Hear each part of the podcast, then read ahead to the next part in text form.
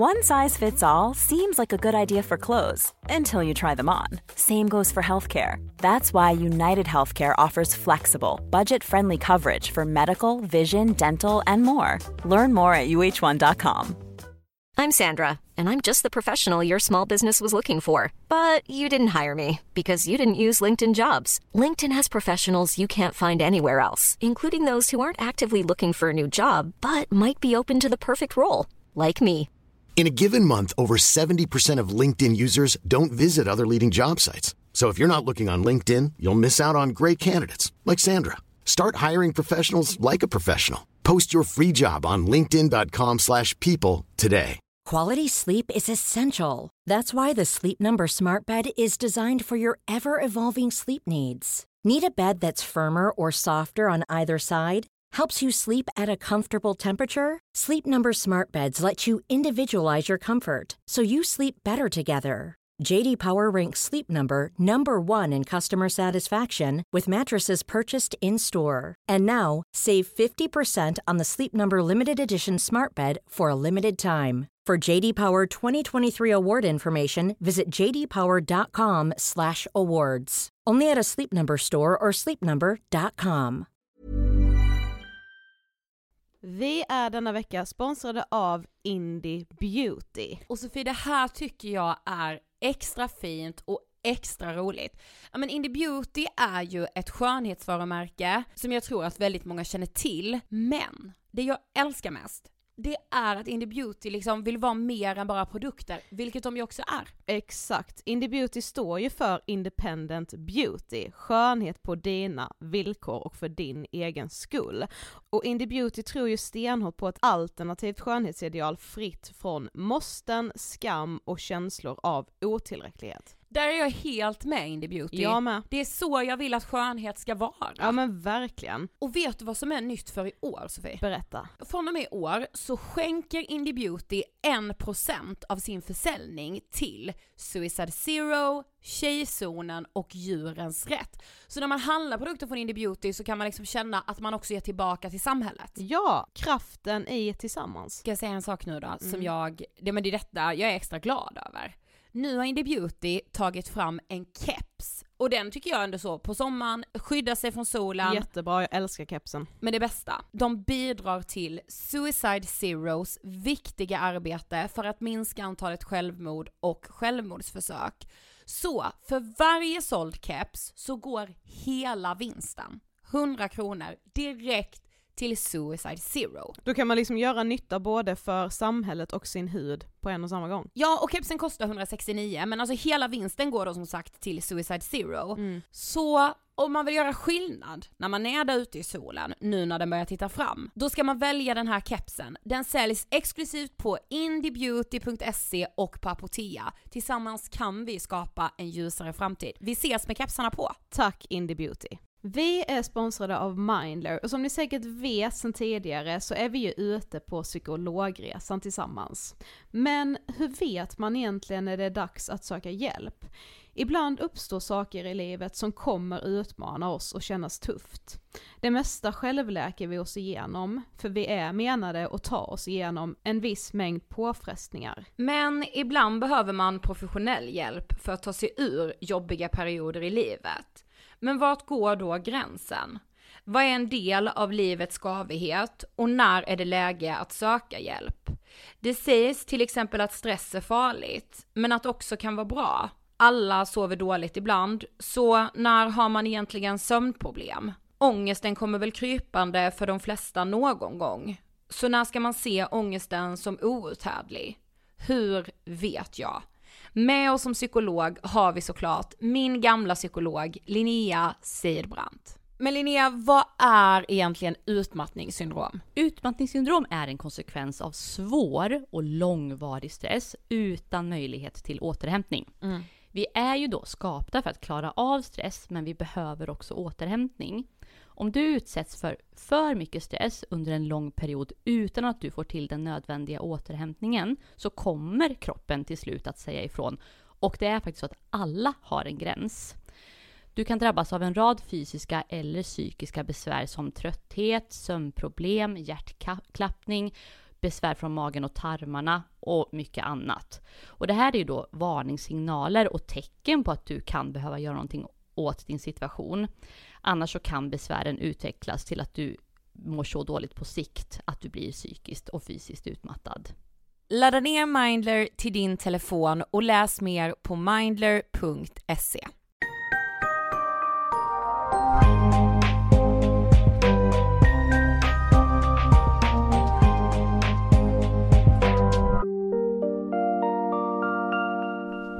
Hej allihopa och välkomna till avsnitt 416 av Ångestpodden! Hej! Jag heter Sofie. Jag heter Ida och du lyssnar på Ångestpodden. Jag sa ju det. Jaha, jag, jag, också att jag inte visste om jag skulle säga nej du. Okej. Vi har poddat i över 400 avsnitt, vi vet fortfarande inte hur våra intron ska vara. Nej, precis. Det är fortfarande en jävla eh, icke bra självkänsla Ja, introt. exakt. Ja det är inget så... Det ramar liksom in ångest. Ja det får man säga. Ja. Sannerligen. Mm. Hur mår du? Eh, idag är jag trött som fan, om jag ska Mm. vara ärlig. Mm. Men annars är det väl bra. Ja. Själv då? Nej, jag mår inte bra. Alltså jag har alltså fått någon slags inflammation i min hälsena. Förstår du Sofie? Jag har en kula på Ja. hälsenan. Mm. Hallå? Alltså det är liksom, nej det gör så ont. Och, så nu har jag köpt några inlägg till mina skor, jag ska till naprapat, jag är så, alltså när jag får en sån här sak, då, alltså mitt liv då framför mig innebär liksom för mig att nu kommer jag inte kunna ta en promenad som Alltså, liksom är är, inte- ångestlindring. Du är inte dålig på att måla fan på väggen. Nej, det gör jag. Och det har jag gjort nu. Ja, jag vet. jag? Jag vet. Mm. Men det behöver inte vara så att det här inte går över på några veckor bara. Nej, nej men jag, det är bara det alltså när jag tänker på att jag inte ska få ta en promenad mot min ångest. Mm. Panik. Mm. Men det kom, kommer du säkert kunna göra. Det tror jag. Mm. Hej och Nej, så vad kul! Ja. Men alltså så här början av ett nytt år är ju alltid speciellt. Mm. För man är ju liksom, alltså man är ju inte sig själv tänkte jag säga, men man är så här. Vem ska jag vara nu? Ja. Alltså förstår du? Mm. Det är som att man lite typ så förväntas ömsa skinn Ja. i mellandagarna typ. Ja. Och så ska man komma in här nu då med full kraft, färdigömsad och bara veta att så nu har jag ett nytt skinn och nu är det detta som gäller. ja nu är Men det där min- är jag helt bara så jag skrev inte det till en kompis att så här, nej men jag ska nog bara fortsätta med ungefär samma melodi som jag gjorde Ja. hela 2022. Alltså jag har Precis. inga så, inga speciella nyårslöften, det hörde ni kanske för två veckor sedan, och inte så här, inte några nya rutiner direkt skulle jag inte Nej. säga, alltså så, jag bara fortsätter. Men folk som gör det till sin personlighet att de ska ha nyårslöften. Ja, är det så kickstarta? Ah. Det är väl just den här kickstarten jag inte, Snark, alltså Ja. verkligen. ja. Men jag, jag, jag förstår det och jag förstår det absolut inte. Alltså jag förstår det för att det känns som en hets kring det, Mm. men att jag skulle hitta det i mig själv och så göra någon jävla... Nej men jag tror aldrig att jag kommer bli en kickstartsperson. Inte. För att för mig blir så här kickstart, alltså då ska det liksom vara så här, åh då är det mm, så jävla mycket riv Ja. och så blir det förknippat med så mycket prestation Ja. och att man typ ska liksom ändra för mycket på sig själv Mm. för att jag ska tycka att det blir roligt. Alltså Ja. det blir bara skit då. Ja och det blir också, det blir någon slags ångest i det för mig. Ja, alltså det, det blir blir något, prestationsångest. ja det blir något jag ska liksom så levla. Ja. Du vet, och jag klarar inte det, det vet ju ni. Nej som- och också att det ska vara liksom så himla tydliga mål och resultat och allt ska vara mätbart. Mm. Och det är typ det jag inte pallar. Och det tror jag att det finns många som inte gör. Och det här tangerar ju lite veckans avsnitt. Ja. Alltså när vi skulle göra det här avsnittet så skrev vi så här vår relation till träning. Mm. Och jag vill bara Sofie börja med en brasklapp. Mm. Det här avsnittet är inte något slags hata träning, träning är inte bra. Alltså allt det där vet vi ju. Alltså det Ja. är väl det med, är det någonting vi vet Mm. Eh, så är det ju att träning är svinbra för vår fysiska och vår psykiska hälsa och välbefinnande. Ja. Så det, det. behöver vi ju liksom inte nu, nu menar inte jag, nu menar inte jag under Nej, hela nej, nej, avsnittet nej, här. nej. Nej. Absolut inte. nej. Men jag ville säga det. Ja. Mm. Och nu är det sagt. Nu är det sagt. Men vad har du då för relation till träning? jag funderade ju på det. Mm. Och min relation till träning har eh, varit komplicerad. Jag säga. Alltid? Nej, absolut inte. Nej, Alltså när inte, då? inte när jag var liten. Nej, Alltså inte när jag var barn, tonåring, absolut inte heller. nej, Eh, gymnasiet, nej. nej, Alltså i nu vuxen ålder. exakt. Eh, och jag alltså det är bara mig... samma här. Ja, nej men jag, jag vill fråga dig samma snart. Ja. Men jag drog mig liksom till minnes, du frågade mig innan vad skrattar du åt? Ja. Skrattar åt något du själv skriver? Och jag Nej jag, bara, jag, jag, jag sa, när vi satt och skulle förbereda det här avsnittet så började du fnissa, jag bara sitter du och garvar åt dina egna anteckningar? nej. Och då sa jag, nej, jag skrattar åt något som pappa sa när jag var liten. Aha. För då gick mamma på sån här, alltså du vet aktivitetsgympa typ, i så stor grupp med kvinnor och män i alla olika åldrar. Jag vet liksom att jag var med, alltså du sa ju med att du hade varit med din mamma och då dansade ni till Jag har varit med, ja, du jag, var där som, för min skull. Ja, men du var där för din skull. Men jag vi Det- gjorde så tre steg åt sidan då, om du blir min fru Ja, ska exakt. jag ta dig här och nu. Och sen Ja. var det fram och bara, om du blir min fan. Ja. Ja. Ja men jag fattar hela det. Ja. Men jag, ehm, eh, jag, var, jag var med mamma, alltså jag var kanske så sex år. Ja men var du med och tittade eller du Nej, jag gjorde med och också gjorde? då. Ja, Ja men jag stod ju liksom jämte mammas lilla matta typ. okej. Eh, och då var hon liksom där, och du vet så hur det var, alla hade någon eh, liksom gammal urtvättad Reebok-tröja. Mm. Nej, vet du vad man hade? Man hade gamla urtvättade så bandtröjor. Jag vet att jag hade typ så Carola, guld, platina och Ja, passion. eller så hade man typ så en t-shirt från förra årets Lanzarote-resa, Ah, där det var så karta över Lanzarote. och en sån sol som log. Ja precis, och så stod det så 1998. Ja, alltså. Oh my god, Ja. goals. Mallorca. ja, Nej också den gamla bort- bortglömda Menorca. ja, just det. Ja, jag har bara Ja. varit på Mallorca. Ja. Men, Men vet du vad pappa sa då alltid? nej. På tisdagskvällen, mamma är på gymping. och det var det jag skrattade. För att det är så här, vad hände med gymping? Ja, jag tror att den fortfarande finns, men den är ju liksom inte så trendig, alltså det är ju liksom inget man... Eh, Nej men och han sa ju det på fulla, så- alltså pappa tyckte ju så, gymping. ja. Att, ja men det var väl gympa då ihopsatt med, eh, ja vad är det? lite, lite som, ja precis. Ja. Gymnastik, nästan tangerade med Ja, det ordet. mm. Men, men ja, och det var det jag skrattade åt, så här, den gamla goa gympingen med den urtvättade Lanzarote-tröjan. Ja. Saknar. Mm, jag Vad- med. Men jag tror att den finns men inte liksom, eh, vi är inte målgrupp, tyvärr.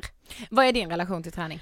Eh, skulle också säga att alltså när jag var yngre, jag har, alltså när jag var yngre så tränade jag mycket, inte för att jag såg det som träning utan det var liksom min hobby som är att det var så jag umgicks med kompisar, Mm. att så här, ja men jag gick på konståkning, eh, jag red, eh, sen blev det fotboll, sen var det handboll samtidigt ett tag men det var ju framför allt fotboll under typ högstadiet och gymnasiet. Ja. Jag red fram tills jag i slutet av högstadiet typ.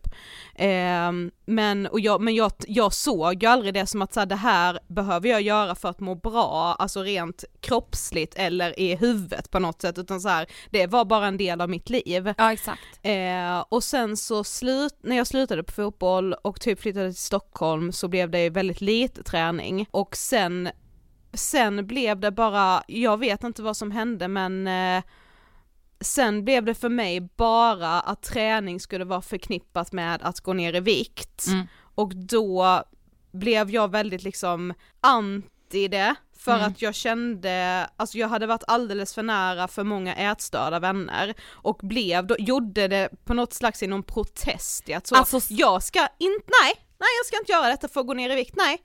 Eh, sam, samtidigt som jag ju liksom också lite använde det som mitt eh, försvar, för helt ärligt så tyckte jag också att det kändes pisstråkigt. Ja, ja, alltså samma Alltså, jag, jag kunde inte tänka mig en värre miljö än gymmiljön. Eh, jag, och jag var typ för rädd och lite så, jag vet inte, jag kunde inte helt se mig själv börja träna med ett nytt fotbollslag här uppe i Stockholm, för det var jag typ, i- blyg vill jag inte använda men jag gillar inte det sociala sammanhanget Nej. typ. Ehm, så då blev det liksom ingenting med det och bara blev jätteanti det. Ehm, och sen dess har det typ varit svårt att liksom ta sig tillbaka till en sund relation till träning. Jag Mm. skulle säga att det är typ först nu jag har det. Mm. Eh, ja. Men, och jag tror ändå jag vet varför jag har kommit hit, men det kan vi ta lite senare.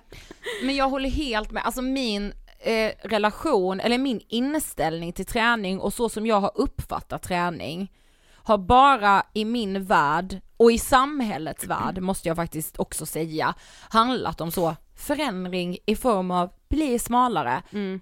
maxa dina resultat. Mm. Alltså så här, när blev typ så proteinpulver en del av allas kost? Ja, alltså det är helt sjukt. Och men- också bara så, eller att liksom äta sunt, vad det nu är. Alltså i min värld är det ju att äta sunt, att aldrig tänka på exakt vad det är man äter, utan man Exakt. äter på det, man äter det man är sugen på helt Ja. enkelt. Eh, men alltså jag fattar inte heller när det här blev så när det här liksom, alltså att äta proteinpulver eller liksom ha olika dieter för att nå vissa mål, alltså det kan man ju göra om man liksom har typ en träningsform som en extremsport, Mm. att man typ ska göra, vad heter det här när man står? Du vet Ja, så. fitness. Ja, eh, typ ja. sådana grejer. Eh, eller när man kanske ska träna inför något stort lopp eller liksom, man tävlar på något Ja, sätt i fysisk aktivitet. Eh, men den liksom, den livsstilen som krävs för att nå de här kanske lite mer extrema Mm. målen, den har ju liksom förflyttat sig in i den här vardagsrörelsen. Alltså Exakt. så här, att om man ska träna, ja då måste man också typ äta proteinpulver och köpa shakes och liksom Ja. hela så här, man kan inte bara då gå på gymping. För Nej, det är liksom lite för lite. Och det är det jag menar. Det räknas liksom inte. Nej, är exakt, och så här, ska du springa, ja då ska du väl göra det för att du ska kunna springa milen. Ja, precis. Eller så, det, det, det finns inte bara så, nej alltså jag kanske aldrig vill springa mer än tre kilometer. Nej, Är det precis. okej, eller? Ja, precis. Och så, så kommer det finnas folk som lyssnar på det här, bara, ja det är klart det är okej, det är väl bara att göra det. Mm. Jo jo men det Men finns ju en känslan annan... är ju inte där. Nej det finns ju, det, det känns ju som att det är en annan standard. Mm, Alltså och att då känner jag ju så, jag är ändå sämst. mm, precis, och då kan man lika gärna så, då blir det liksom att man hellre skiter i det. Eller det är den känslan jag verkligen har varit i typ de senaste, alltså jag höll, vi har bott i Stockholm i snart tio år. Ja men jag skulle säga att jag har haft en ganska osund relation till träning i, i säg i alla fall åtta. Mm, samma här. Mm.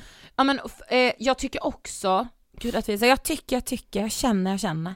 Det är väl för fan det enda det är vi fan det gör. enda vi gör. Eh, nej men min känsla är ju också att idag är träning och kost så sammankopplat Mm. och jag förstår att det är sammankopplat om man nu ska då ska få de så kallade resultaten. Ja eller om man är liksom elittränar. Ja, men måste man alltid bry sig om sin kost? Alltså, bry, jag, vet- alltså fan allt jag säger är så här, jag, jag hatar alla de här orden. Ja. Det ger mig panik Mm.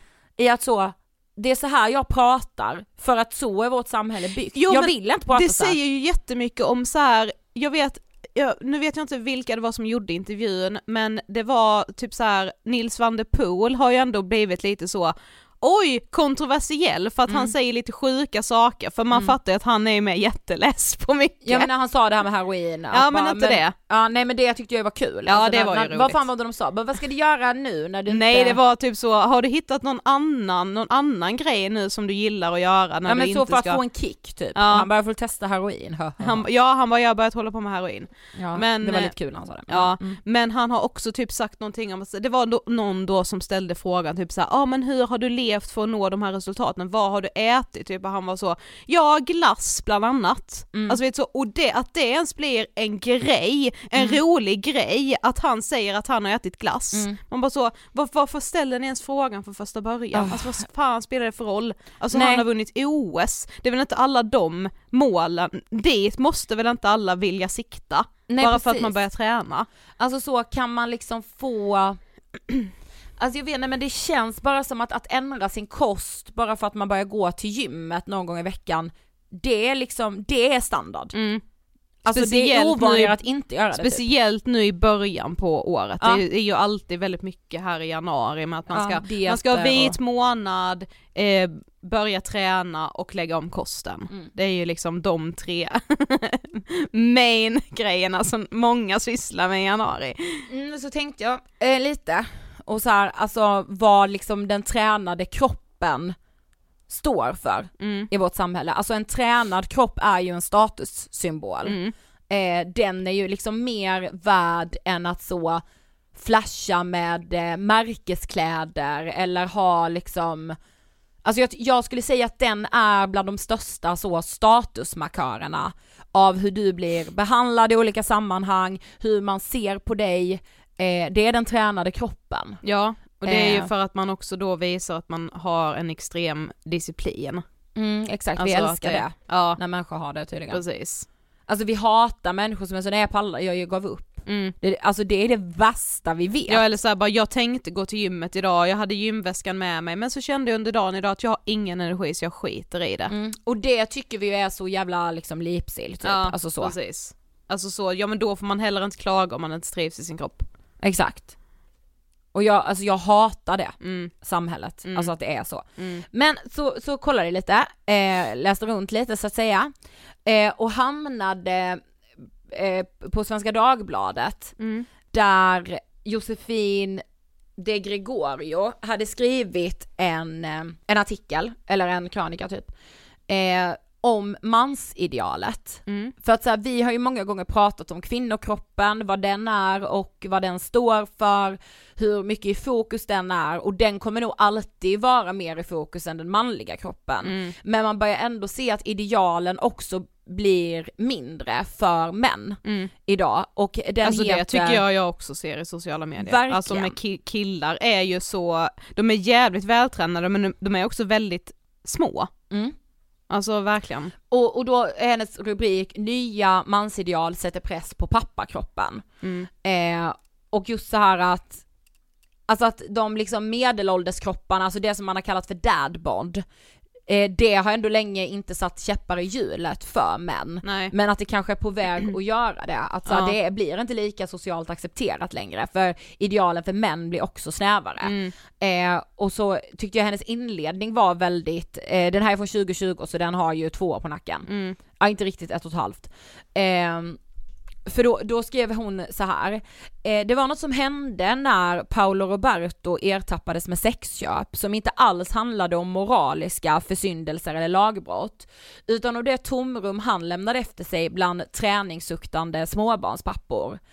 Eh, där var det plötsligt kulturskribenterna Alex Schulman, Jens Liljestrand och andra oväntade beundrare av den forne proffsboxaren som via sitt instagramkonto uppmuntrade män landet runt att stå på huvudet och älska mjölksyran som infinner sig efter ett milslångt löpningspass. Och det är så jävla intressant att så här ja men jag vet att han Paolo Roberto var ju ändå någon slags så träningsguru Ja, för liksom Det var ju medelålders den. män. Ja det var tumme upp Ja. verkligen. Eh, och hon skrev den här eh, texten efter att ha läst en krönika av Victor Malm i Expressen eh, som löd, rubriken på Victor Malms krönika löd, vi måste bryta överviktsnormen. Eh, eh, och hon, hon då tänkte liksom Ja men hon tänkte då, beskriver hon på det här med att män också idag måste hålla sig smala. Mm. Eh, och eh, det fick mig Alltså, jag- också att fundera på att ja fan, det är nog så att idealet för män också krymper. Mm. Ehm, Det tror verkligen jag också och jag, alltså jag fattar ju inte, jag vet inte om det bara är eh, för liksom jag kom in på lite så olika bloggar och sånt nu när jag kollade runt Mm. inför detta avsnittet där det var också så här, ja men där liksom de som faktiskt tränar mycket och som älskar att vara på gymmet, det kan ju vara en plats som många tycker är svinhärlig att vara i och att det är där man träffar mycket vänner och så här. Eh, att, att många av dem kände sig liksom eh, lite trängda av kanske oss då som skulle vara, har sagt att vi är emot gymmet, att man inte får säga att man älskar gymmet för att så, ja men då tror alla att jag har en osund relation till träning bara för Mm. att jag säger att jag egentligen skulle vilja vara på gymmet två, tre gånger om dagen eller att Mm. jag är här varje dag och så har jag, jag, har- jag har ju ändå kunnat sålla mig till de som är så här. är man på gymmet varje dag så är man inte helt frisk. nej. Eh, och det är ju inte heller rättvist, men jag menar bara att jag kan, jag kan verkligen inte, jag kan inte köpa bilden av att det skulle vara jobbigt att vara en person som älskar att vara på gymmet för då kan du verka vara en person som är sjuk. Mm. Samma som jag verkligen inte kan förstå att skulle det finnas ett liksom eh, en så här en, en tjocknorm, att Mm. så här, vi måste sluta normalisera att vara tjock. Gör vi verkligen det? Mm, exakt det är det jag alltså menar. jag kan inte relatera till det överhuvudtaget. Nej, men jag får läsa en passage till i hennes krönika, så skrev hon så här. somliga av mina manliga vänner har blivit rent besatta av sin styrketräning och sin strävan efter inte viktnedgång utan viktuppgång. Mm. En del har laddat ner appar där de noggrant bokför varje kalori de stoppar i munnen och analyserar kostens sammansättning av fett, protein och kolhydrater. Särskilt protein är viktigt och det korrekta intaget en ständig källa till oro och problem på restaurangbesök. Men där jag sedan tonåren studerat min figur i spegeln för att försäkra mig om att midjemåttet är så smalt som jag vill ha det, drömmer inte mina killkompisar om en tunn fysik. Nej, de vill se deffade ut och de oroar sig lika mycket för det som kvinnor för siffrorna på vågen. Här finns även en social komponent. Träning tycks vara både ett självförbättringsprojekt och en umgängesform för män. Det blev ju också uppenbart när Paolo Roberto åkte fast och just Jens Liljestrand sörjde en idol som med en underbar tough love-jargong, citat då, Mm. eh, uppmuntrat honom att ge allt på våningsgolvet. Jag hittade faktiskt också en, eh, en SIFO-undersökning eh, som visar just det här med hur man liksom, hur man ser på träning och hur det skiljer sig faktiskt ändå en del från, mellan män och kvinnor. Eh, för undersökningen visade då bland annat att det var fler kvinnor än män som har ett helt sunt förhållande till både mat och träning. Till exempel har 37% av kvinnorna ett helt sunt förhållande till mat jämfört med endast 32% av männen. Dessutom svarar Vänta, så fler kvinnor det är fler kvinnor som har sund relation än män. till mat? Ja, till mat. Ja, Okej. Mm. ja. Nu var ju det här då om man tränar ohälsosamt och då blev väl kosten också kopplingen Ja, till alltså Mm. när man tränar och så. Ehm, dessutom svarar 31% av kvinnorna jämfört med 27% av männen att de har ett helt sunt förhållande till träning. Eh, och sen är det också stor skillnad, i den här SIFO-undersökningen då, väldigt stor skillnad mellan yngre och äldre. Svenskarnas förhållande till mat och träning skiljer sig mellan åldrarna. Unga har mer osunt förhållande till mat och träning än vad de äldre har. I åldersgruppen 16 till 34 år svarar 13% att de har ett osunt förhållande till mat jämfört med 4% bland de som är 56 till 79 år. Fler unga än äldre har också ett mer osunt förhållande till träning. 22% i den yngsta åldersgruppen mot 16% i den äldsta. Ja okej, ja. För eh, Josefin här då landar ändå i att män, nu citerar jag igen, Gud att jag citerar he- hela hennes krönika, det finns såklart att läsa i sin helhet på Svenska Dagbladet men Mm. ja. Vi Eh, kan länka den på Insta. Ja, då skriver hon så här, men eh, manöverutrymmet är onekligen större för män än för kvinnor när det gäller övervikt. Kvinnor kan starta ett kroppspositivt instagramkonto, visst, men någon dadbod-trend finns inte att tillgå. Samtidigt finns det sånt som tyder på att män redan börjat oroa sig för sina kroppar med samma intensitet som kvinnor länge gjort. Så frågan är hur länge en pappakropp förblir ett acceptabelt alternativ. Alltså då är jag så här, men alltså det är ju någonting i vår kultur som gör att det som ska vara bra och hälsosamt och friskt för oss så lätt blir sjukligt. Ja. ja, för jag måste med bara citera lite till från den här SIFO-undersökningen. Mm. Den visar nämligen att var femte svensk, alltså 20%, anser sig ha ett ganska eller väldigt osunt förhållande till träning. Mm. Alltså det är ju så jävla sorgligt. Nästan lika många, 16%, uppger också att de tränar minst fyra gånger per vecka. När det gäller maten svarar nära var tionde svensk, 9%, att deras förhållande till mat är ganska eller väldigt osund. Ja.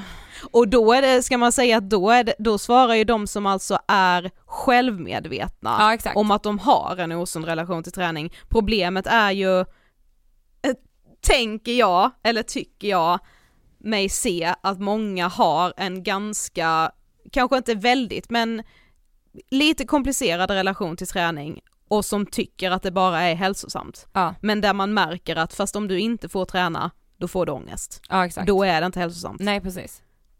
Men nej alltså och också då få knyta an till den där rubriken som, alltså precis som du med var inne på, som Je- Jens Liljestrand skrev att vi måste bryta överviktsnormen, alltså att Mm. det ska vara eller jag vet inte om han menar att det ska vara normativt, att det skulle vara normativt att vara överviktig. Ja men jag tolkar det som att han ändå tycker att så kroppspositivismen har ändå gått en li lite för långt. Alltså det får ju fortfarande inte bli normativt att vara överviktig för det är ju farligt. Alltså så mycket som vi har pratat alltså det här är ju problem, alltså jag säger inte att fetma inte är ett problem. Både det och stillasittande och att jättemånga barn inte rör på sig, det Absolut. är problematiskt. Men är det någon som inte har hört om det, att Ja. barn rör på sig för lite? Nej, jag har hört alla. det överallt, alltså Ja. det har väl skrivits ledarsida upp, ledarsida ner om Mm. det.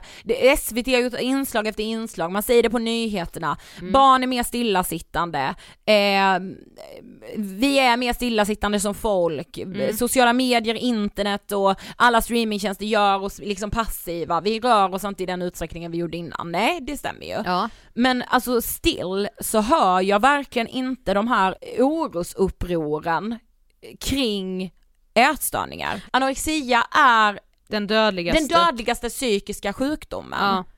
Va? Mm. Det har jag aldrig någonting om. Nej alltså jag känner typ så här, ja man har ju hört länge att liksom eh, ortorexi ökar, att anorexi och bulimi ökar, Mm. att ätstörningar går ner i åldrarna, men det jag tycker blir problematiskt är att det bara, det blir bara ett konstaterande Mm. och sen blir det inget mer. Nej. Alltså jag hittade, jag eh, sökte typ på så träningshets Mm. och så kom jag in på någon artikel på Aftonbladet där rubriken är när träningen blir osund.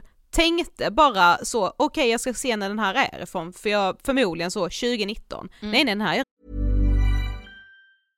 Hiring for your small business? If you're not looking for professionals on LinkedIn, you're looking in the wrong place. That's like looking for your car keys in a fish tank.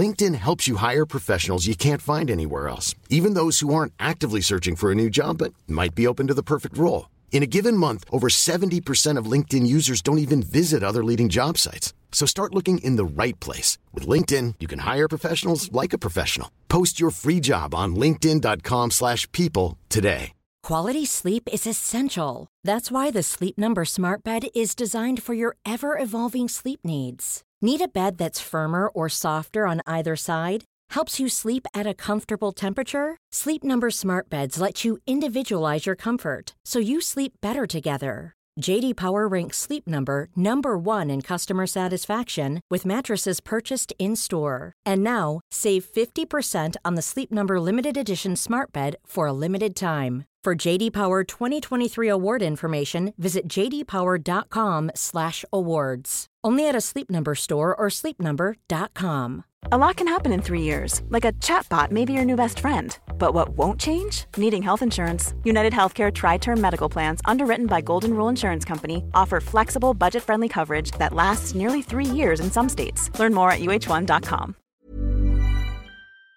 redan från 2012. Mm. Redan då fastslog man att så, antalet ätstörningssjukdomar har fördubblats, eh, bara att äta rätt och träna har blivit en livsstil för många, men det nyttiga och sunda är inte alltid ett friskhetstecken. Allt fler far illa i hälsoträsket. De senaste åren har antalet svenskar som insjuknar i ätstörningar som ortorexi, nervosa och bulimi fördubblats.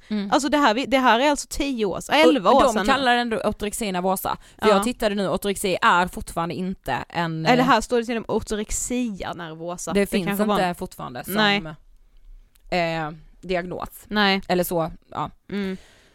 Eh, jag, ja, alltså jag, jag köper att, alltså det, jag menar verkligen inte att så, nej vi har inget problem Vänta med jag ska bara fetma. säga, ska bara säga så att den var skriven av en Åsa Passa, Passanisi. Ja. Alltså, jag, jag säger liksom inte att, att fetma inte är ett problem, jag fattar verkligen att det är det. Eh, och eh, att så här, det är väl jätteviktigt att vi kommer till bukt med det, men det känns som att det ena utesluter det andra i det här Mm. fallet. Att det är så mycket viktigare att prata om det då vissa kallar, jag såg att någon var så, den riktiga pandemin är fetman och så här. Jag, jag kan inte köpa det. Den riktiga pandemin skulle jag säga är att det inte finns någon gråskalig träning. Ja, Det är väl för fan det som är problemet. exakt. Det är ju det som har gjort mig att, alltså, att vara så starkt emot det och också känna att så här, nej det här duger inte så då kan jag lika gärna skita i det. Alltså hela det här som man alltid hör, det står fortfarande på 1177 såg jag så, kom ihåg att all träning som blir av är bra träning. Ja. Men det är ju verkligen inte känslan. Nej nej nej nej nej. Alltså vadå, okej. Så att jag då skulle typ gå och handla istället för att ta bussen, det kan jag se som min dags, det, det jag rör mig den dagen då. Mm. Och då är ju det bra, men i min värld är ju inte det träning. Nej, det är bara precis. att jag går och handlar istället Ja, för att ta bussen. exakt. Eh, ja, jag vet, det har, det har slagit slint någonstans. Men eh, Något jag annat jag tänkt på. Mm. Eh, TikTok Mm. är ju liksom en plats där, eh, alltså träning och så diettips, det vet vi redan, Mm. frodas. Mm. Alltså eh, det är ju liksom Alltså du, om du väl börjar gå in och visa algoritmen att så här, oj nu stannar jag lite längre på de här bantningsvideosen, alltså då är du ju snart på liksom tjejer som ger tips på hur du gör med mat på en ätstörningsklinik. Ja. Eh, Det går ju ganska fort. Var skulle du säga, alltså vilka videos är det du får upp där i din algoritm som är så här, ja men som är på det temat?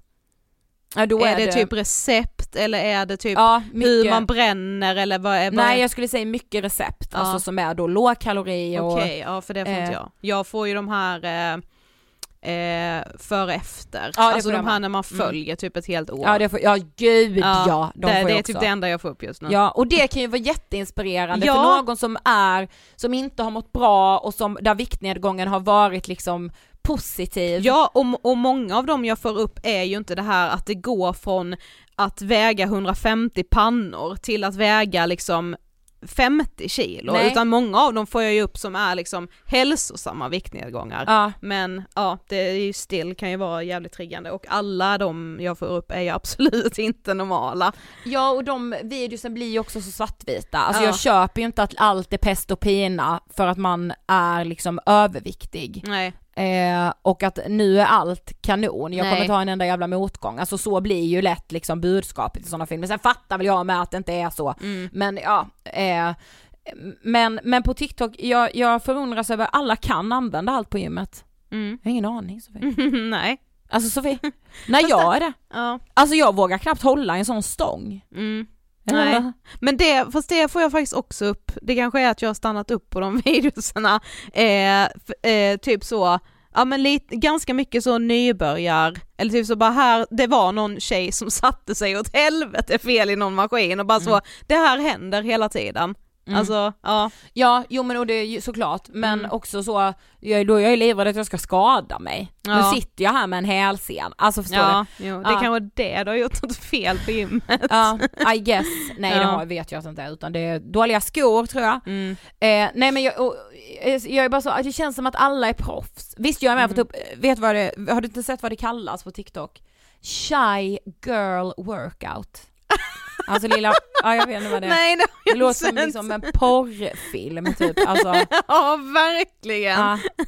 Men på tal om TikTok så, Sven- och Svenska Dagbladet, Mm. så gjorde ju de en granskning om just den här eh, algoritmen, svältalgoritmen. Precis, av en idol till oss som gjorde den. Ja, Alice Avesha- Aveshagen, Mm. otrolig journalist. Mm. Eh, och eh, man kan ju läsa hela den granskningen på Svenska Dagbladet men de har liksom massa olika artiklar på då temat svältalgoritmen. Ja. Eh, och då klickade jag in på en som jag inte hade läst där det även var då liksom en professor som röt ifrån och sa det här är betydande hälsorisker för barn, Mm. just då den här svältalgoritmen. Eh, och när han då först såg den här granskningen, eh, han heter Finn Rasmussen, Mm. då kontaktade han eh, Svenska Dagbladet och var så här, jag vill också göra ett uttalande om det här. Okej. Mm. Eh, så det står Rasmussen hör av sig till Svenska Dagbladet och berättar att reportagets innehåll stämmer väl med erfarenheter inom hälso och sjukvården och att citat barn utsätts bety- för betydande hälsorisker när de använder dessa plattformar som Mm. då till exempel TikTok. Så citerar jag honom här. På dessa plattformar hejas problematiskt ohälsosamt beteende. Flera kliniker i Stockholm och andra delar av landet har larmat om det här. Vi ser unga personer som inte får bekräftelse i verkliga livet men får massvis av negativ sådan på sociala medier. Mm. Det är just det här också med att det liksom, alltså du, algoritmen då påhejar Ja men till exempel att du då skulle påbörja en sån här resa och så ska man följa den resan Ja. och så blir man liksom jättehetsad av den själv och så, så ju sjukare beteende du får desto mer visningar får du liksom. Just det. Eh, vilket ju är jävligt problematiskt också. Ja, alltså jag såg också, också i Svenskan, gud att vi liksom är Svenska Dagbladet all over, men alltså då var det så här eh, en träningsartikel om så, frågan du bör ställa dig om du tränar hårt. Och då var det, då var det verkligen så här varför gör du det? Mm. var liksom en av frågorna. Mm. Eh, och så var det en eh, kvinna eh, som eh, eh, hon forskar på psykisk ohälsa inom elitidrott. Vi borde ju ha med henne, hon heter Cecilia Åkersdotter. Ja. Men hon menade så här träning varje dag kan också vara ångestdriven. Mm. Eh, den som tränar för att dämpa ångest, för att slippa tänka och att slippa känna snarare än att få positiva effekter, då bör man liksom vara uppmärksam och försiktig på att så här, varför, varför gör, varför gör jag det här? Ja. Och för vissa är träningen det enda sättet att gå ner i varv. Eftersom den är så förstärkande tränar man kanske inte upp andra strategier för att hantera olika typer av stress. Mm. Det blir sårbart och väldigt jobbigt om man till exempel inte får träna under en period. Ja, jag läste faktiskt också att så här, ja men eh, skulle, alltså för många kan det ju vara till exempel väldigt så eh, ångestbefriande eller väldigt avslappnande att då till exempel ut och jogga en runda, Mm. men alltså man måste ju också hela tiden komma ihåg att det Alltså träning är som allt annat så himla himla individuellt, så bara för att kanske ut och springa runda hjälper för många så behöver inte det betyda att din kropp svarar positivt på en löprunda. För vissa kan det vara att det kickar igång väldigt mycket stresshormoner vilket gör att du får svårare att komma ner i varv, det blir svårare att sova. För Ah, dig kanske mm. din kropp, det, det kanske är viktigare för dig att göra ett yogapass Exakt. eller göra en meditation innan du ska sova, för det får din kropp att komma ner i varv. Alltså man måste ju hela tiden lyssna och utgå från sig själv, även om det är typ det svåraste som finns, Mm. eftersom man hela tiden blir matad med vad som borde funka. Liksom. Exakt, exakt. Eh, Men, men, men du sa det nu, eller du började med att säga att du först nu Mm. känner att du ändå har en, su- eller så här, en bra relation, eller vad man ska kalla Ja. det liksom. Sund är också det vidrigaste ordet. Alltså så, Ja. sund! Nej, men, men- hon är så sund Nej men hur jag nu känner att så här, okej men nu kanske jag har hittat ett sätt, för innan tänkte jag också att så här, ja men okej om jag ska, om jag behöver börja träna nu liksom, eh, så trodde jag också att så här, för att träningen skulle bli av så krävdes det att jag skulle ha antingen x antal dagar som jag hade lovat mig själv på en vecka att jag skulle få till Mm. träningen, eller att jag till och med så här, om jag inte har bestämt vilka veckodagar så Ja. kommer det inte bli av. Jag tänkte typ så här, ja men okej jag får börja boka in mig på pass som är då kanske varje måndag och onsdag för då vet Just jag att det. de kommer Ja. bli av.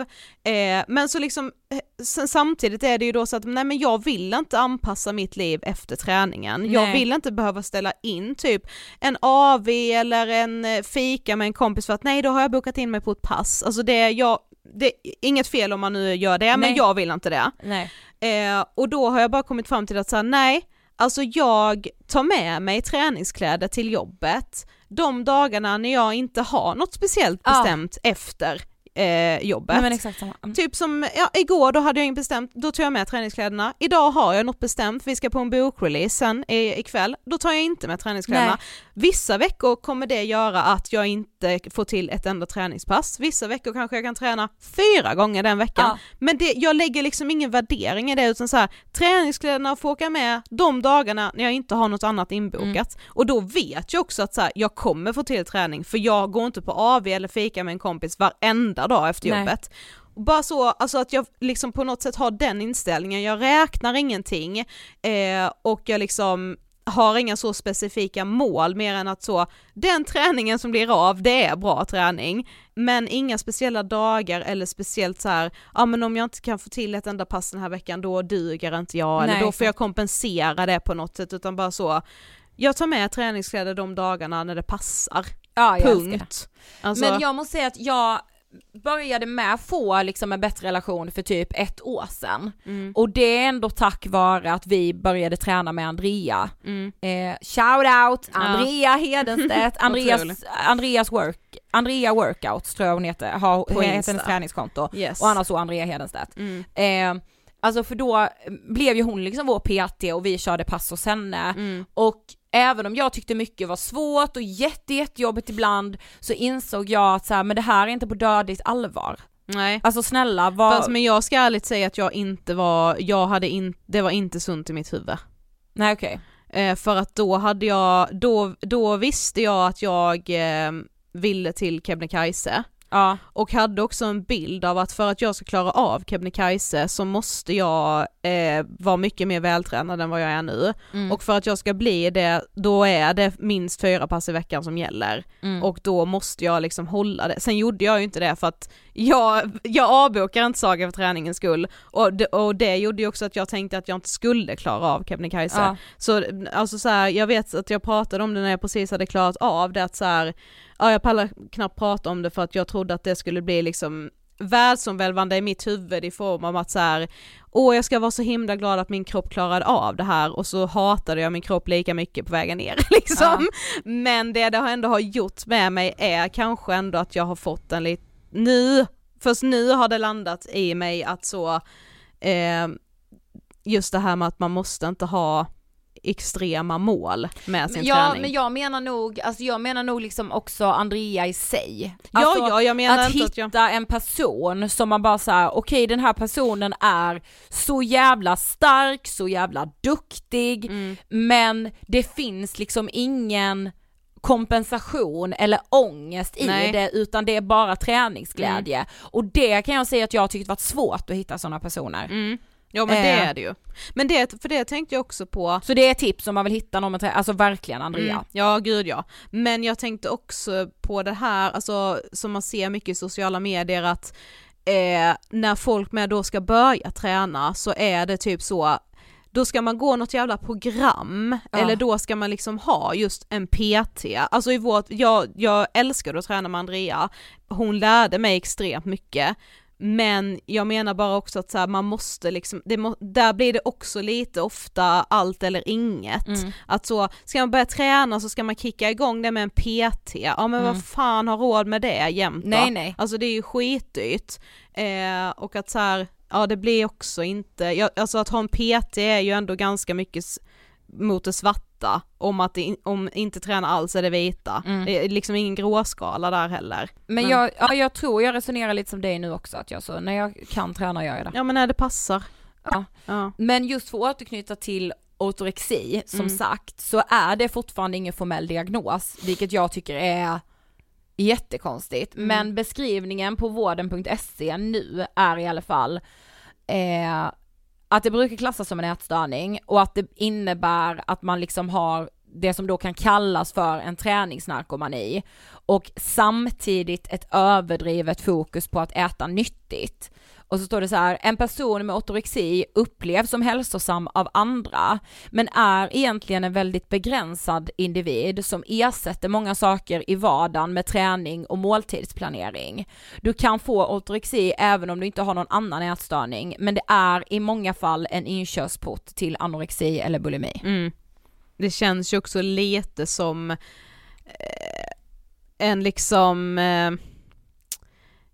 ett tillfrisknande av anorexi. Alltså så här att man har varit ätstörd, jättesjuk och typ alltså så sjuk så att man kanske inte har fått träna. Och sen när man ska bli frisk så blir man frisk genom träningen. Men då, ja jag vet inte hur jag ska säga det här utan att trampa folk på tårna men att man, man tänker då att man har blivit sund men man vet inte riktigt hur man kommer reagera om man inte får träna. Nej. Och händer det då någonting som gör att man inte kan träna, man kan skada sig eller bli sjuk, då märker man att så här, okej, nu får jag ju ångest. Mm, mm. Eh, varför får du ångest då? Är det för att du inte får gå och träna? För att, Ja, för att på- de ätstörda tankarna är ändå där, de har ju bara bytt skepnad. För ortorexi känns ju, alltså den har ju säkert funnits om man så eh, går tillbaka till våra förförfäder, nej men liksom så här, går vi tillbaka till 1600-talet kan vi säkert hitta ortorexi där också. Ja. Men den känns ju ändå, om jag för en gångs skull får prata om min magkänsla, nej. Ja. nej men den känns ju som en sån enorm produkt av ett samhälle som är så fokuserade på liksom resultat, träna så ofta du kan, så mycket du kan. Alltså för vi i samhället har ju så svårt för att tänka att något som är så positivt som träning, Mm. kan det verkligen vara negativt? Precis. Kan det bli destruktivt? Ja. Alltså det är samma sak med att äta hälsosamt. Mm. Vi är så va? Men allt jag äter är fermenterad mat, renad mat, vadå det kan väl inte vara dåligt? Ja men det är ju ätstört. Men Mm. vi, alltså vi, det, att förena de tankarna i att någonting kan vara bra för vissa, Mm. men i för mycket dos så är det piss. Ja, Men varför har vi inte så, alltså vi har inte svårt att se det med andra grejer. nej. Varför har vi det med träning och kost? Alltså jag, jag, Jag vet fattar inte det. Alltså vi har Men inte jag svårt känner ju att bara att- förstå, alltså så här, vi har inte svårt att förstå att sex, det, det, det har vi ganska lätt att förstå, alltså det blir såklart skadligt om man liksom har sex hela Jag tiden. så bara shit alltså nu känner jag att nu måste jag ha sex med en ny person varje vecka. här det fattar har... vi att det blir Ja skadligt. precis. Spel, gud vad roligt och eh, det kan väl vara jätteroligt kanske att gå på, nu har jag inte gjort det någon gång så jag vet Mm. inte så men det kan vara jätteroligt att gå på ett kasino. Men alla är medvetna om att spela för mycket skitdåligt. Ja. Men så här, Men träna, för mycket. alltså det begreppet finns, träna för mycket, kan man inte få träna för mycket? Alltså, Nej men jag känner ju bara att så liksom kritiserar jag, eller kritiserar säger jag nu med citationstecken men så, om jag påpekar någons eh, extrema träning eller så att man ja, kosthåller, så känner ju jag bara att man ser på mig som typ så en slacker som ska Absolut. klanka ner på den som bara är hälsosam. Eller såhär bara, ja men så säger du för att du själv inte pallar Ja, du träna ja, så precis. mycket. Alltså så här, för att du själv inte har den här disciplinen. ja precis. Och det är bara så här, ja alltså så här, om det då inte skadar en människa då får man väl ha så mycket disciplin man vill. Mm. Men jag undrar om ändå inte kan bli skadligt. Mm. Alltså man vill väl ändå minimera, alltså så här, och det är det man alltid pratar om också som är så intressant i att så, men jag tränar bara för att minimera min ångest, jag tränar bara för att minimera min ångest. Okej, det innebär det då att, du måste, måste du träna varje dag för att Ja. minimera din ångest, då tror jag att det krävs mer än bara träning för att du ska bli av med den ja ångesten precis, egentligen. för Alltså, vad är hönan och ägget då? ja, alltså, precis. Och det är samma med kost, nej men jag äter bara detta för att må bra. Mm. Jo men då kan det ju inte kännas som att du ska behöva eh, lägga dig i graven om du tar en kexchoklad Nej, eller en kanelbulle. precis. Är att så det, alltså, det, jag, jag, jag, jag, jag Nej men också, inte. det är ju inte så heller att, alltså ja, alltså träning är skitbra för vår psykiska hälsa och den fysiska, men det är ju liksom inte den det har ju inte den sinnessjuka impacten, alltså ingenting går ju så fort heller. Alltså det handlar ju inte om att så här, Alltså när någon säger då att så här, nej men jag märker att jag inte mår bra om jag inte tränar, då menar kanske en sund person att om det går då kanske tre månader utan att jag har fått till min regelbundna Ja. träning för att jag har varit sjuk mycket och allting har bara gjort så att jag inte har kunnat träna. På de tre månaderna kanske man märker att så här, shit, nu börjar jag verkligen känna hälsoeffekterna Ja. av att inte ha tränat. Det handlar ju inte om att det går en vecka utan träning och att man då bara, "Ah, jag märker direkt när jag inte har tränat. För så snabbt går det inte. Nej, Alltså det gör ju inte det positiva heller, du måste ju liksom hålla i din träning och få någon slags regelbundenhet i det Precis. för att du ska märka de positiva hälsoeffekterna också. Ja. Inte så, det går ju inte från en dag till en annan och får man då ångest av att man en dag inte har tränat och säger då att ah, jag får så mycket ångest för jag har inte tränat, då handlar det ju inte om de negativa effekterna Nej, av att inte ha tränat exakt. utan det handlar ju om att du får ångest för att du inte har tränat. för att du Då- känner då- kanske, då, då är du ju liksom i en kompensationscirkus. ja, Alltså, verkligen.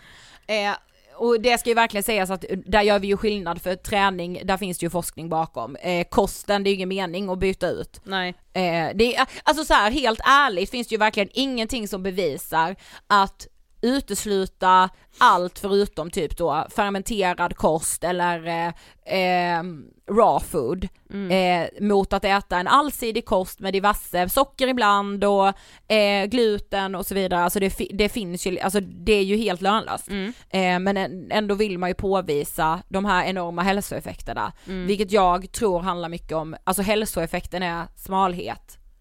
Och smalhet innebär närmare idealet. Ja, Alltså statusmarkören tränad kropp. Får, precis, och det är det som får en att må bra. Jag tänkte att jag vill läsa ett eh, citat som Ja. kan vara jättebra, eller citat, en, en liten mini-intervju Okej. eh, med Jessica Gedin. Ni kanske vet vem det är, hon är programledare för eh, Babel. Eh, kulturprofil får man säga. Mm. Eh, då har hon fått eh, frågan, eh, och det var Emanuel Karlsten la ut det här på sin Insta idag och skrev så här: Jessica, mitt kraftdjur varje januari. Så får hon frågan, vad tränar du? Och hon svarar, ingenting, det har jag aldrig gjort. Hon får frågan, varför inte? Jag förstår inte frågan, hur har man tid för träning? mm. Intervjuaren frågar, så det är inget du funderat på att börja med? Hon svarar, nej, Träning är en separat syssla som man betalar pengar för och det är inte intressant. I ett normalt liv har man inte tid för det. Man bär matkassar och springer till bussen, det räcker så. och så får hon frågan, vad gör du istället för att träna? Och hon svarar, titta på TV och äter transfetter. Ja. Härligt. Och jag tyckte att det var otroligt. ja men verkligen. Eh, jag tänkte också bara lite så avslutningsvis gå tillbaka till den här eh, professorn då, Finn Rasmussen, som hade mm. hört av sig till Svenska Dagbladet när han hade läst om svältalgoritmen. Mm. Eh, han nu är han pensionär men han har varit verksam som professor i socialmedicin vid Karolinska institutet i många år, där olika former av viktproblematik kopplat till psykologi har varit hans expertområde då. Mm. Eh, och då, när han hörde av sig till Svenskan så eh, till Svenska Dagbladet så frågade de också så, bara, men vad, vad ska man göra då åt det här problemet? Mm. Och då säger han att så, frågan bör lyftas till politisk nivå och att det bör vara möjligt att komma åt problematiken genom modern anpassad lagstiftning. Just lagstiftningen är inte mitt expertområde, men jag tycker verkligen att man bör lyssna på de som har sett problematiken på nära håll och vill lyfta hälsoriskerna. För liksom från vårdens håll så börjar man ju verkligen se att ja. det här är problematiskt problematiskt. Eh, och vad behövs anser du, frågar de då. Det behövs en bred, transparent och hälsoinriktad diskussion från på EU-nivå. Upp med regelverk som techjättarna tvingas att följa. Då tror jag att man kan åstadkomma ganska mycket. Och då bara tillbaka till våra partiledarintervjuer där vi ju ställde, ni som har lyssnat på dem vet ju att vi ställde liksom, vi hade ju framförallt frågor som rörde våra frågor, liksom mm. psykisk ohälsa. Och sen hade vi också några snabbfrågor. Eh, där en av dem var starkt, starkt kopplad till just ångest, vilken ja. var, tycker du att det ska bli olagligt att marknadsföra retuscherade bilder? Och samtliga partiledare typ var helt väck när vi ställde den frågan. Alltså ja. det var som att alla andra frågor vi hade ställt under hela intervjun var superrelevanta, men där var det som att det kom en kantboll in mm. i intervjun och bara så shit nu ställer ni allt på ända här. Mm. Alltså man var helt man, man blev liksom, vi märkte ju ändå att många blev chockade över frågan. Ja, som att den kändes ganska orelevant. Man bara det, jag skulle säga att det är en av de mest relevanta frågorna vi har i den här intervjun. ja, alltså, Utöver absolut. så vill införa ett maxtak. Ja, exakt. men eh, ja, det säger ganska mycket. Ja, men jag vill bara säga med, alltså, till alla som lyssnar, alltså, jag är så övertygad om att du gör tillräckligt, du behöver inte göra mer, du, du är så Alltså du är liksom så, du är så jävla tillräcklig. Nej men så här, du känner ju vad din kropp behöver, ja. lyssna bara på den och skit i resten! Glöm Nej, men... inte bort att vila, mm. att slappa, att äta vad du är sugen på. Mm. Det är så enormt viktigt. Mm. Du behöver inte ha en miljon regler att förhålla dig till, för livet blir inte så härligt då. Nej, och heller inte måste man ha, alltså jag fattar fatta grejer med att ha liksom mål och drömmar och ja, liksom Gud. delmål och bara det här vill jag uppnå. Jag tycker det är skitfett med personer som säger jag vill lära mig springa fem kilometer eller jag vill lära mig springa en mil. Alltså ha det men ha de målen bara för din egen skull och ha också perioder där du kanske då till exempel tränar utan mål också. Så märker du ju om du tycker det är roligare att träna med mål eller om du kanske är en person som tycker det är roligare att träna om du inte har mål. Alltså Precis. testa båda delarna för inget är mer rätt eller fel. Och skit i siffran på vågen. Ja gud snälla, jag har inte vägt mig på, jag minns inte. Nej men det, ja, det var det. Okej, okay. ja. det var alles! Ha det bra! Vi hörs nästa vecka. Ja det gör vi, hej då!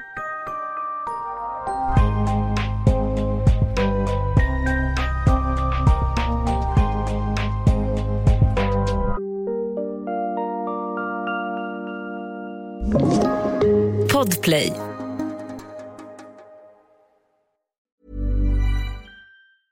Hey, it's Paige DeSorbo from Giggly Squad. High quality fashion without the price tag. Say hello to Quince. I'm snagging high-end essentials like cozy cashmere sweaters, sleek leather jackets, fine jewelry, and so much more. With Quince being 50 to 80% less than similar brands And they partner with factories that prioritize safe, ethical, and responsible manufacturing. I love that. Luxury quality within reach. Go to quince.com slash style to get free shipping and 365 day returns on your next order. Quince.com slash style.